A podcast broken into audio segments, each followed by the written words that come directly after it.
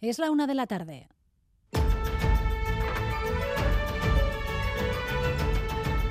Crónica de Euskadi con María Cereceda. Arrachaldeón hoy han abierto sus puertas las aurescolas, las escuelas infantiles públicas en la comunidad autónoma vasca y lo hacen con una novedad principal. Son gratuitas por primera vez. La medida busca mejorar nuestra escasa tasa de natalidad, aunque no hay plazas subvencionadas para todos. A las puertas de una de esas aurescolas ha estado esta mañana Xavier Madariaga. Es el primer curso en que las aurescolas abren sus aulas de forma gratuita y eso se nota en el ánimo de las familias que esta mañana han llevado a los bebés a clase. Con todo esto de que la vida cuesta ahora todo, pues bien, nos viene muy bien, la verdad. Berreunda estos días de adaptación son bastante más llevaderos, aunque solo sea por ese pico que se ahorran las familias al mes. Las solicitudes se han disparado, pero no están todos los que son, porque hay decenas de familias, sobre todo en Bilbao, que se han quedado fuera. Navarra también avanza en la gratuidad de esa etapa. Más de la mitad de las familias pueden, ha dicho ya el Gobierno, optar ya por esa opción. Hoy es el turno de los más pequeños pero mañana empieza también el curso en escuelas, institutos e icastolas y a menos de 24 horas los responsables de las empresas de transporte escolar mantienen el pulso con el gobierno vasco. Trabajan aún en el recurso que anunciaron contra la orden que les obliga a prestar ese servicio donde las concesiones han quedado desiertas y avisan de que nada está cerrado aún no aseguraría yo tan fácilmente el tema de que tengamos servicio. ¿eh? Está claro que nosotros queremos dar servicio, somos una empresa de servicio, estamos para trabajar por la sociedad, pero siempre y cuando nuestros derechos nuestros y de nuestros trabajadores, que es parte muy importante también, estén defendidos. Desde luego que valoramos los escenarios, el salir y el no salir, eso es evidente, Estamos en el inicio de curso y en el debate también una de las leyes clave de esta legislatura, la ley de educación. El Gobierno sigue dispuesto a ampliar en lo posible el acuerdo ya alcanzado. Aún hay tiempo, dicen, pero no quieren que nadie se arrogue el derecho a vetar esta ley. EH acaba de presentar sus enmiendas al texto. Enseguida se lo contamos.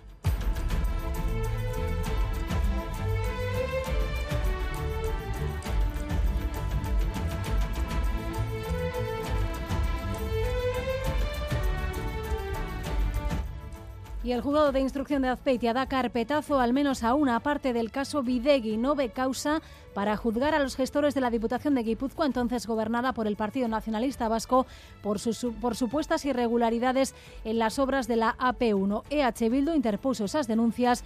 Hoy los gelchales han criticado duramente su forma de proceder en este caso y Manuel Manterola. Porque ha quedado en evidencia, según la diputada general de Guipúzcoa, Aider Mendoza, que el objetivo de esta querella por malversación y falsedad documental era atacar al PNV basándose en un informe lleno de errores. Ese era el objetivo que tenían. Y en política no todo vale.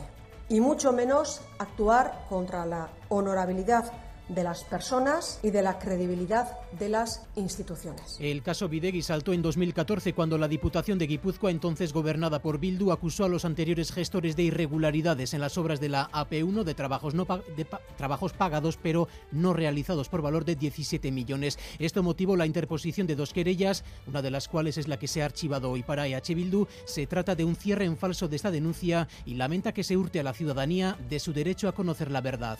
Los casos de cáncer en menores de 50 años han crecido casi un 80% en los últimos 30 años. Un amplio estudio que se publica en British Medical Journal Oncology, la edición de oncología de la prestigiosa publicación científica, asegura que el fenómeno completamente anómalo en enfermedades ligadas en teoría al envejecimiento se ha desatado en las últimas tres décadas. Los investigadores calculan, según las proyecciones, que el número mundial de incidencia del cáncer de aparición precoz podría aumentar aún un 31% y las muertes asociadas un 21% a 2030. Arcaiz Carracedo, investigador de CIC Biogune.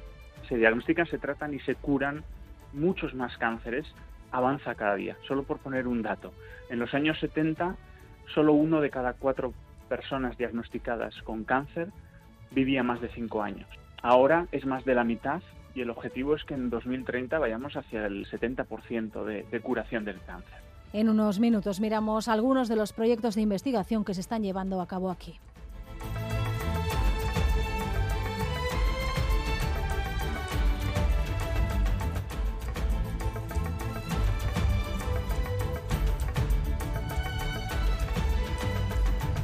En su quinta edición, el Festival Internacional de Cine de Navarra pasa a ser calificador oficial de los premios Goya. Gracias a eso, este año han recibido más de 600 trabajos, de los que finalmente se van a proyectar 45. Todos son cortometrajes, otra de las apuestas del festival en su objetivo de convertirse en un referente en el Estado. El LIC se celebrará del 21 al 23 de septiembre en Civicán, en Pamplona, y entre las novedades más destacadas, la sección New Generation, en la que participarán jóvenes realizadores entre 18 y 30 años. Joaquín Calderón es el director del festival creo que se nota la frescura pues, de la gente joven, ¿no? que son menos ortodoxos o son menos académicos ¿no? a la hora de plantear sus trabajos. Un apartado que contendrá los cortometrajes de cinco finalistas. Titulares también del deporte, Álvaro Fernández Cadierno, Arrachaldeón. Arrachaldeón con mano porque arranca la Liga Sobal a las ocho y media. El Barcelona se mide al el Betis Naitasuna. También se juega hoy un partido de Liga Femenina. El Málaga replaza Betionac de Navarra y en la vuelta undécima etapa con final en alto Laguna Negra y Sepkus que continúa de líder. Tenemos aún presentes los efectos de la Dana en el centro y el sur peninsular. Aquí estamos ante un calor inusual. La tormenta Daniel está devastando Grecia con lluvias de más de mil litros por metro cuadrado. Los fenómenos meteorológicos adversos son cada vez más frecuentes y empieza a ser también un titular recurrente, pero estamos ya ante el cierre del verano más caluroso de la historia en el hemisferio norte. El informe del Servicio de Cambio Climático del Programa Copérnicos de la Unión Europea constata que julio y agosto han marcado las temperaturas más altas registradas. La media supera el récord por un amplio margen. Bruselas, Amaya, Portugal. La suma de junio, julio y agosto en el caso de Europa ha sido la quinta más calurosa, al menos desde que hay registros, pero está 0,83 grados por encima de la media. A nivel global y en lo que va de año, solo el 2016 fue más caluroso según los registros, pero teniendo en cuenta que el impacto del niño va en aumento, es muy probable que el 2023 vuelva a batir un nuevo récord. Las anomalías en la superficie oceánica también van en aumento, con placas de hielo más reducidas que nunca alrededor de los polos. Aquí hoy lo decimos calor y bochorno un día más. Sigue soplando el viento del sur y las temperaturas rondan a esta hora los 30 grados por la tarde. Se espera algo de brisa en la costa y algunas nubes de evolución.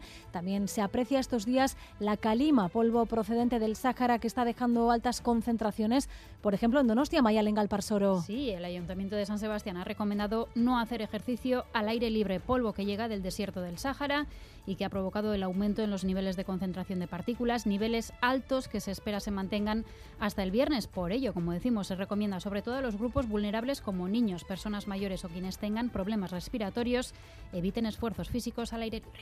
A esta hora tenemos 24 grados en Bayona, 31 en Bilbao, 29 en Donostia, 27 en Pamplona y 26 en Gasteiz. Calor en el día grande de Ordicia, día de feria. Enseguida conoceremos al ganador del concurso del queso Idiazabal que se va a vender al mejor postor en Ordicia está Laida Basurto, Laida Rachaldeón. El jurado cata a esta hora los 14 quesos de los 50 que han participado en esta edición y que han pasado a la final y en menos de una hora conoceremos el nombre de la quesería ganadora y también la cantidad por la que se jugará por medio queso. Día de homenajes también para el que ha sido presidente del jurado desde el año 1997, Juan María Arzac. El testigo lo tomará el también cocinero Pedro Subijana. En carreteras, precaución en la AP8 en Usurbil, un camión averiado permanece ocupando un carril en sentido Donostia. Ténganlo en cuenta, AP8 en Usurbil en sentido Donostia. Raúl González de Arancha Prado está en la dirección técnica y Manuel Manterola en la coordinación. Crónica de Euskadi con María Cereceda.